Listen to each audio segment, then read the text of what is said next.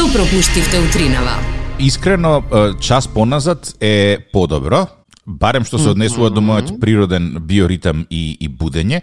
Меѓутоа, тој час поназад резултира исто така и со голема депресија и нервоза, затоа што многу порано се стемнува. Еве во Скопје во 16.45 темница, тука каде што сум јас, троа подоцна, дока 19 има ден. Меѓутоа, поприродно се чувствувам кога станувам рано наутро. Кога ќе отидеме напред е, на пролет, се е тоа супер, нели, денот е долг едно друго, меѓутоа некако имам проблем со будењето рано наутро. Така да, е, велат старите, ова е она вистинското природно време, она летното е измислено од нас. Mm -hmm. Ако си го следам мојот организам, да, сега некако полесно ми се станува. Ако го следам мојот организам на пролетно сметање, на летно сметање на времето, некако потешко ми се станува од кревет. Кај тебе? Па, искрено да бидам јас да можам, би вовела обратно да летното сметање би го ставила во зимскиот период, нека се раздинува подоцна, но повеќе време да имаме ден, а од друга страна пак ми е сосема окей да се е, стемнува порано во текот на летото. Ама, што е тука? Некој така смислил дека тоа така треба да функционира и наше, освен да се прилагодиме на промените, ништо друго не ни е, останува. Инаку, е, ова те прашувам заради тоа што последните неколку дена скоро и да не пост, постоеше портал кој што неа пренесе веста како тоа негативно се одразува на нас промената на времето. можна е поголема депресија, можно е проблеми со станувањето, е, ни се јаде помалку, ни се јаде повеќе и си викам добро на ваква наезда на негативни вести како ние да се чувствуваме пријат. Како? Едноставно читаш цело време дека треба да ти е лошо и се прашуваш дали нешто не е во ред со мене затоа што мене не ми предизвикува да речеме депресија и се размислувам дали може би тоа е некој начин, еден вид на креирање на јавното мислење. Ако сите пишат дека нештото е лошо, мора да е лошо. Ако сите пишат дека вау, нештото е многу добро, ние треба да попаѓаме во несвес со добавина, иако може би така природно не се чувствуваш. И се запрашувам, дали е тоа така со се? Па најверојатно. Дали секогаш некој друг креира нешто за нас, а наше е само да го прифатиме? Да. Еве ти чист пример. Ајде. Може? Може. Баш Сабалево коментираме со колегата ми раскажува за едно видео за еден тип кој што скрие на камера, нели, застанува во измислен ред, односно се измислува ред на аеродром за нешто кое што не постои. И вели после одредено време 5 до 10 15 минути го гледа човекот чека и си се редат позади него. А не знаат зашто се редат. да. Е, тоа е останато од на времето баба ми значи правеше и ќе види гужва негде и застанува она со гужвата. Бабо, зошто тука? Па еве сите чекаат, па ја да видам што се случува. Да. И сметам дека многу лесно можеме да бидеме изманипулирани во тој момент, дека мислиш дека треба така. А, А дали навистина треба. треба така? Исто како приказната со тавчето и рибата. Ако се сеќаваш. Да, е, е, како не се Зошто? сеќавам. И ја сеќаш, оба, па, така правеше мајка ми. Ја прашуваат мајката, зошто така рибата е пет, па така правеше мајка ми. Зошто? Зошто и доаѓаат на крај до прабабата и вика, па нема поголемо тавче. Да, со тоа што ова треба да го да го влечеш, да го влечеш, да го молзиш и на крај да го презентираш онака како па уште ли не купивте тавче да се Ама А сега се е можно, да. Уште да ли ние ќе збориме или ќе пуштиме музика малку? Ајде, добро утро. Може да пуштиме музика. Добро утро. Велат дека две глави секогаш мислат помудро од една. А три мислат помудро од две, а четири мислат помудро од три. На четири мислам дека веќе и кавга може да се случи, па и на три. Зависи во која насока се разноразните размислувања. Е па така, од тоа дека две глави мислат по, по-фино или по-добро од една, морам да ти раскажам за една од вестите која што буквално ги преплави порталите, а бога ми не ме заобиколи ни мене, па некако ми се виде не знам кој збор да го употребам, ај во текот на, на Интересна? ќе ми текне. Па ајде да ја наречеме интересна. Е, не знам дали читаше за Елмедин Карек, типот од Босна и Херцеговина, кој што е во моментов во брак со две жени. У, зар Сараево, зар Босна, Босна дозволува два брака? Па, Сигурно Не не. знам, може би едниот не е легитимен, меѓутоа тој тврди дека има две сопруги. Фатима е неговата прва сопруга со која што има три сина, но пред две години тој си донел и нова жена во својот живот, додека работел во Германија си ја запознал украинката Јана, а таа денес живее со него и со Фатима во Босна и Херцеговина. Делат иста соба или не? Делат ист кревет. Фатима и Јана добро се согласуваат според сторијата која што е објавена на YouTube.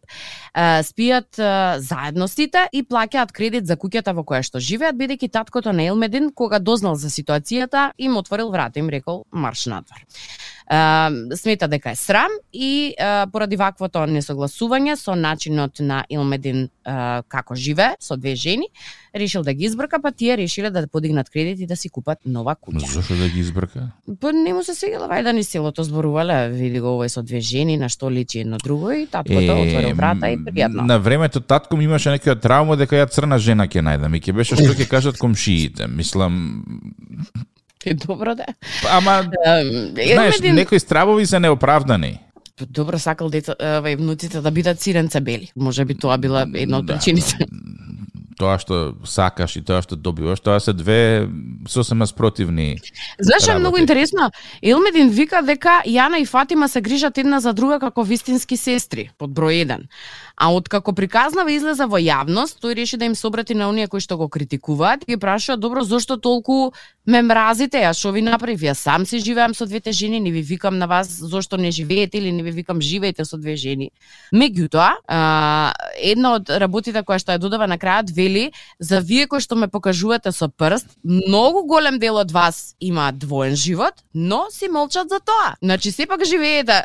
Ама не, не, не, апсолутно. Ама не кажувате, да. Многу е лесно да се даваат коментари за тоа што другиот прави и како тоа не чини. Ема многу е тешко да застанеш и да видиш што не функционира кај тебе, мислам. Тие двојни стандарди ни за некако трейдмарк на општеството. Многу полесно ќе се фокусираме на другиот отколку на она што ние го правиме. како вика, ќе го видиш влакното во туѓото око, ама гредата во своето нема да ја видиш. Е, да си ми... секогаш така, жива и здрава, да.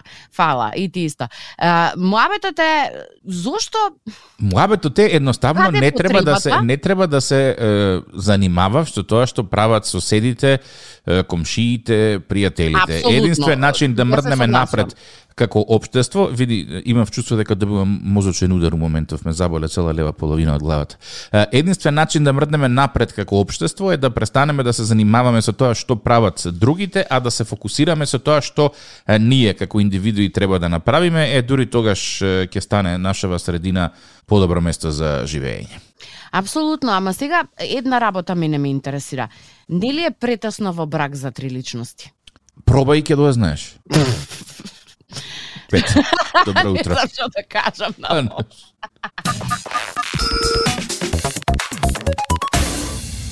Во последно време многу шетам по некои така фенси ресторани, затоа што тука каде што сум, рестораните за разлика од Македонија, кои што се отворени од Сабајле до вечер, се отворени двократно. Значи Сабајле ресторан не работи. Ресторан отвара од 12 до 4, кога се јаде ручек, и ресторан отвара од 19 до 23 часот, кога се јаде вечера, а измеѓу е затворено. Така да кој не јаде на тој распоред, ќе си остане гладен или ќе треба да бута некои кифлички, лиснати и, и слични работи. И што за приметив? Значи имаш два типа на ресторани. Имаш семејни ресторани, каде што чопоративно можеш да се одвлечкаш со цела фамилија, кои што се така ентериерно поприкладни за секојдневни работи и имаш супер фенси ресторани каде што mm -hmm. деца не се дозволени затоа што таму одат се луѓе да си прослават годишнини, да се запросат, да Чека, као воопшто не е дозволен влезот на на деца, така на помалиот. Не, види, тука не постои не е дозволено. Едноставно mm -hmm. Се знае. Се знае дека таму не оди со деца затоа што е, има една многу интересна е, појава е, која што мене ме фасцинира, а тоа е еден поглед кој што го добиваш во моментот кога ќе се затечеш на место на кое што не треба да бидеш или правиш нешто што не треба да правиш. И тој поглед Зорке е така прекорувачки што веднаш се сецнуваш и пробуваш да видиш каде ја правиш грешката. Е ти типичен пример, значи во, во секој дуќан, значи буквално секоја аптека, mm -hmm. секој супермаркет, секој месар, секој фризер, секој бербер, секоја трафика малтене има машина за броеви. Добро, како да бидеш кој во редот? Да, Аха, добра. И нема тука ја дојдов прв, ја дојдов пред тебе, кој што се дешава у маркети некај нас. Или у маркети некај нас, ајде кој е сега наред, јас сум некој од таму од 20 метри подоле од кај кашкавалите, вика не, јас сум. А било ге бројчето го решава тој проблем. И нормално првиот пат ја влагам, не земам бројче и наеднаш сите погледи штама у Дукјан, ко некој по пауза да стиснал на, на, на, на, на музиката, знаеш, дан и так, фриз кадар, сите застануваат. Оваа со штипката за фаќање месо у раце, бабата со парите у рака и врп, сите се вртат на кај мене. И ти фали. Бандини. Не, и ти онака застануваш и викаш, што не е во ред и гледаш после една баба. Да, и сега ја онака се трудам да видам што како да и една баба само мртва ладна прстот на кај семафорот го пушта. Так. Аха. И ти сваќаш, Тоа тоа аха, што треба бројче да земеш. Така да, ако во, во ваков фенси ресторан, да кажеме, се појавиш со, со дете, у моментот кога ќе ќе го пречекориш прагот, джглап, сите погледи ќе бидат свртени кон тебе. И ти фино, убаво, ќе видиш дека не припаѓаш тука и ќе си отидеш, а случајно да тргнеш да да влегуваш, ќе бидеш подсетен дека местото може би не е баш соодветно за за твојот тип на на луѓе со кои што доаѓаш. И Решаваш да одиш. тоа фино така си функционира. Е, сега во Америка не си функционира така, затоа што во Америка имаш customer service, нели, каде што муштеријата е секогаш во право, па сосема е, е нормално да кажеме да одиш на некоја фенси вечера со девојка ти славиш 10 години брак, а на маса до тебе е, чичко Роджер, тетка Луи и нивните 9 деца, кои што јадат пржени компирчиња, се гаѓаат со кетчап и, и што ти ја знам. Значи, нели, Е, и ова го имаат естаблишментот- решено. Естаблишментот сака да ти ги земе парите. Дал си ти на Апсолутно. романтичен дејт или имаш чопор од 9 деца со себе, ние ќе те примиме. Ама го имаат решено, да, повели. го имаат решено. Меѓу другото, кога работев а, во Америка, имаше простори, да речам, во, во целиот тој објект, кои што беа наменети за личности плюс 18. И првенствено, кога ќе прочиташ, леле, ова е за плюс 18, кажеш, натре кузна што се случува, чиме плюс 18, и влегуваш натре и сваќаш дека луѓе уживаат, читаат книга, медитираат и се социализираат на тивко ниво на зборување, а внатре нема деца. Да. Всушност, забранете влезот за деца и личности под 18 години во тој дел од објектот. Точка. да. И имаш, ама децата ми се, нема и ти да влезеш. и сега се прашувам една работа. се- Што е полошо? Полошо е момент кај што имаш, да речеме, или што е правилно, ајде да бидам по, по практична во, во прашувањето. Дали е добро начинот на кој што функционираме до сега, значи нема колку има години детето, овие си слават едно, ти си друго, секој си плаќа, на секој му е дозволен влезот. Подобро е она ти што го имаш како искуство, ако не припаѓаш да добиеш поглед дм, или, значи, на вратата, фино, лепо, плюс 18. Што е најдобро? Затоа што во секоја ситуација некој ќе се најде затечен и ќе рече мене не ми одговара. Ја, например, како родител на две мали деца, тоа плюс 18 не ми одговара. Сакам да ги земам со мене, сакам да седат таму. Ако сакаш да ги земам со тебе, фино културно треба да си платиш Чекај, не разбирам како. Значи, деца прават джева, деца фрлаат храна, деца непотребно прават ѓубре на секаде во ресторанот, кој што некој треба да го исчисти, да го собере, да го однесе. И затоа фино културно сакав со деца плюс некоја тарифа за за деца, да кажеме. И мислам дека ова во некои ресторани во Америка и постои. Ако дојдеш со со бучни деца или и не си ги менаџираш соодветно, затоа што многу родители викаат, а сега дома ќе јадеме, дај ќе отидеме у ресторан, ќе го пуштиме детево да дивее таму и ние на раат ќе јадеме. Е, арна, ама некој треба да го собере тоа што твоето дете го издивеало. Еден момент само сакам да ти кажам, родителот не вика ќе го пуштиме да дивее, туку родителот нема ни да го погледне, а детето само ќе дивее. Па да, да, да. мал проблем, да? Не, добро, тоа е Чекај, сакаш да ми кажеш дека како воведена е дополнителна тарифа, ако отидам и не си ги пазам децата и децава прават галама, урлаат, викаат се и одинаш мене на сметката ми доаѓа плюс. А Зорке си била некоја со мало дете на кафе, ама мало дете збориме 2-3 години. Сум била. И колку шеќер истурил на маса? Колку што не можеш да предвидиш. Е, а, нели е тоа трошок што некој треба да го плати? Трошок, Така, е се значи, на, еве, нај, нај, најзанимација кога со дете одиш на кафе, ај си не играј си со шекерчињата. И тоа шекер, имаш кило шекер наоколу. Да, и цел си леплив. И цел си леплив. Или одиш да кажеме во во еве во ресторан да бидеме, да кажеме, или у, у лаунж бар или како и веќе да се викаат поново и да си игра детето со шекерчиња, со солциња, па храна ќе и, донесе. и друга ситуација. Работев јас на времето келнерка, моите почетнички а, кариери беа околу келнерството и доаѓам на маса, бела маса, го послушувам господинот и гледам дете си вади фломастери. И јас викам сакаш да ти И донесам да липче и он вика не, овие се да, вика не, овие се бришат многу лесно, нека цртана маса. И сега тргнувам, гледам дека шефот таму ми прави да ме кожива, ќе го избришеме. Арно, ама не се бришеше. Масата до ден денес остана таква. Ја не знам какви се тие фломастери што се бришат од секаде само од нашата маса не се бриша. Погрешни фломастери зеле од дома најверојатно и доцна сватиле. Ама ја тргнав да реагирам, шефот од таму вака ми дигна рака, некој познати му биле не знам што, и викам добро, чим шефот вика да, значи он стои позади тоа. На крај беше, а пазорка ти си требала да реагираш. Е, ама не си така да. изреагирала. Така да ова американците го решиле. Та додатна такса додатна... И како реагираат луѓето на ова? Како Мислам, реагира? тоа што ќе ти додаде такса, односно кога ќе ти додаде дополнителна сума во сметката, значи дека вака отворено во очи ти кажуваат ти не си родител како што треба, децата ти беснеат. Како реагираат луѓето на ова? Плаќаат? Па ќе си плати како не, нема да си плати. Ако ти у старт му кажеш дека има трошок поврзан со неговото носење деца во ресторан, видите како ќе си ќе си а на плати. крајот на криштаат постојат и луѓе што викаат, добре да колку треба ќе си платиме, дај. Thank you. Иле пишува вели слушнав дека во Америка во некои ресторани вовеле тарифа како казна од 50 долари доколку твоето дете досадува, прави врева или прави го оштетува инвентарот нели кој што е во самиот ресторан. А од друга страна уште една слушателка вели не е пријатно кога децата досадуваат додека сакаш да уживаш во дружба, храната, моментот или на пример пријателите. Кога беа децата помали, од дома се договаравме дека одиме да уживаме и да не пречиме или да вознемируваме. Лично од моите деца не сме имале проблем затоа што самите беа сведоци на лошото однесување на деца и неодговорни родители на секаде околу нас.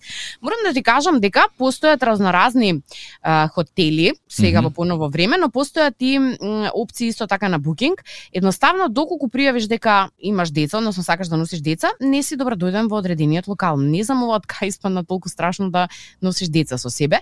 Има и хотели кои што се наменети за плюс 18 години или плюс 23 години, значи едноставно тоа не е хотел во, во во кои нешто поразлично би се случувало, едноставно децата како гости не се добредојдени во тој одреден хотел. Така функционира и така функционира со години. И гледам дека еден од поскапите хотели заради тоа што вели уживањето е загарантирано. И од каде доаѓа се тоа? Ова доаѓа не дека децата сами по себе се, не знам, досадни или вакви. Да не забораваме, ние сме биле деца некогаш. Добра. Меѓутоа, кај нас на пример, ако сме биле излезени, нели во тоа време мобилни телефони нема, ако си понесеш некоја играчка од дома, тоа е тоа што ќе те држи е, зафатен во текот на ручекот или на вечерата. Меѓутоа имаше еден поглед е истиот таков каков што го раскажуваш ти кој што си го имал во супермаркетот од татко ми и вака кога ќе не погледнеше, тоа значи смири се.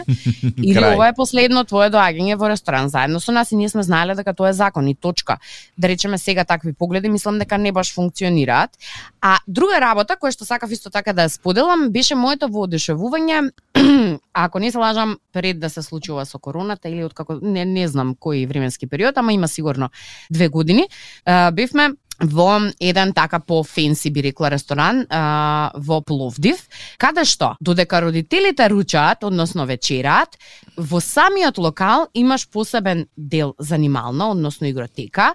Фино лепо како доаѓаш, ги земаат децата, им ставаат алка со твоите податоци, односно нели доколку има некаков проблем, ти јавуваат на мобилен телефон И додека Јако. трае ручекот, односно вечерата, децата се занимаваат. И сега над некоја сума, да, да речеме, ако нарачаш храна над некоја сума, тоа ти е бесплатно, што го занимаваат твоето дете, а таму не се пушта никако на ланец, туку има неколку а, девојчиња кои што ги анимираат. Е, воспитачки речи ги, да, едните цртаат, едните пеат, играат диско, другите, не знам, играат некоја надпреварувачка игра и ем реално детето ти е, е спастрено, а ти како родител можеш да седнеш и да уживаш и реално да се видиш со со пријателите, ем од друга страна нели не сметаат на останатите во ресторанот. И сега јас ја прашувам пријателка, викам, добро, кажи ми како има ова исплатливо.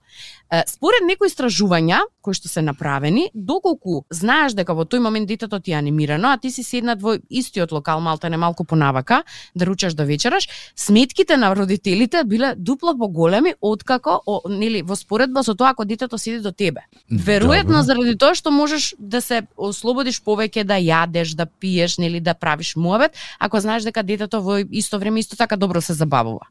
Вау. Па да, ако знаеш дека детето ти е средено и згрижено и ти ќе си ги од ќе си Значи, го одврзеш ма, кесето и ќе си да, трошиш она повеќе. Што, она што мене многу ми се допаѓа е дека децата не можат, не смеат да излезат од тој локал, значи е, исто така соодветно доколку детето те побара, е, на твојот мобилен телефон ти стасува порака дека детето те бара, да речеме дали да оди во тоалет или да јаде или водичка да се напие така натаму.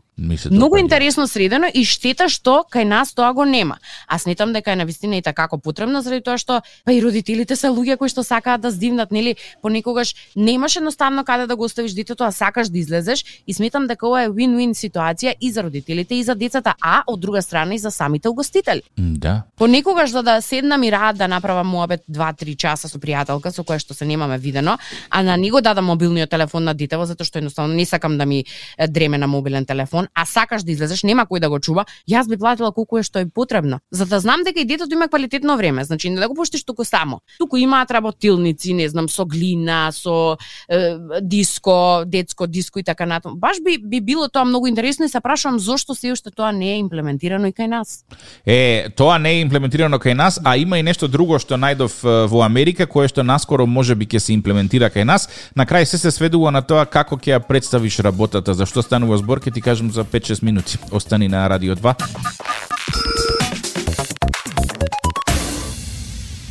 Се Зорке се сведува на начинот на кој што ќе го презентираш. Верувала или не? М, добро. Подетално би сакала информација да добијам. Еве, е, да кажеме следново. Имаш супермаркет во кој што има голема кражба. Значи луѓе си земаат работи кои што не ги плаќаат и заминуваат од маркетот. Маркетот mm -hmm. решава да стави човек на излез кој што ќе ги проверува сметките и содржината на количката, односно ќе провери дали се она што е во количката е платено. Аха, добро. Така? И сега, Да. што се случува? Се случува следново. Народ почнува да се буни и вели, чекај сега, ние не сме краци, нели барем оние легитимните купувачи, ние не сме краци. Да, да, па и јас како би така, ние сме непријатно. предмет на на претрес едно друго трето и Маркетов сваќа дека ако го презентира како такво потегот, а, да се направи тоа што треба да се да се направи. И Маркетов вика, ние ќе ја смениме политиката и става огромна табла пред влезот на која што пишува дека сметките се е, проверуваат со цел да се осигура дека потрошувачите на потрошувачите не им е наплатено повеќе од колку што треба за некој артикл.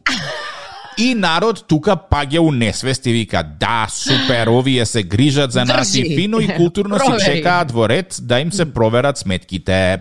А човекот кој што ги проверува сметките е најчесто некој пензионер или некој така просечен е, граѓанин кој што добива каква таква плата за таа е, работа, а при тоа супермаркетот продава можеби 200.000 артикли.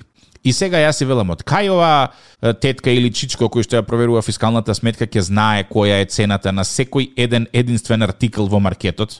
Значи, позадината на тоа, е, дај да, да провериме дали ви е наплатено повеќе, е всушност дајте да провериме дали имате нешто украдено. Да. И убаво запакувано, Да, и народ паѓа у несвест дека ете маркетот се грижи за нив и сака да провери дали нешто им се наплаќа плюс, а всушност единствена цел на тој процес е да се провери дали на граѓаните дали има некој кој што краде или пробува да изнесе нешто од маркетот зашто не е платено.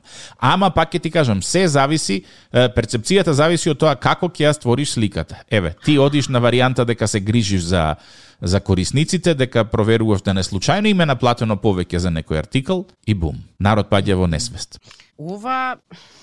Вау! Ете, остави без зборови, нели? да, да, стварно не знам како да го искоментирам, а реалноста е сосема друга. Ама убава кога ќе го спакуваш, како приказна, Народ сака приказни. Сака, да, тоа сум забележила. Нај, е, да речам, скапо продадените приказни се приказни без врска, никакви, кои што некој му текнало, те- чекај ова, сега ќе седнам, ќе го е, исприкажам, ќе го иззавиткам и луѓе паѓаат во несвес. Да, Да. едноставно Ајде ќе се воздржам од дополнителни коментари, ќе го оставиме ова со една точка вака, а вие размислувајте кои услуги како ви се прикажуваат, а чија е нивната позадина всушност.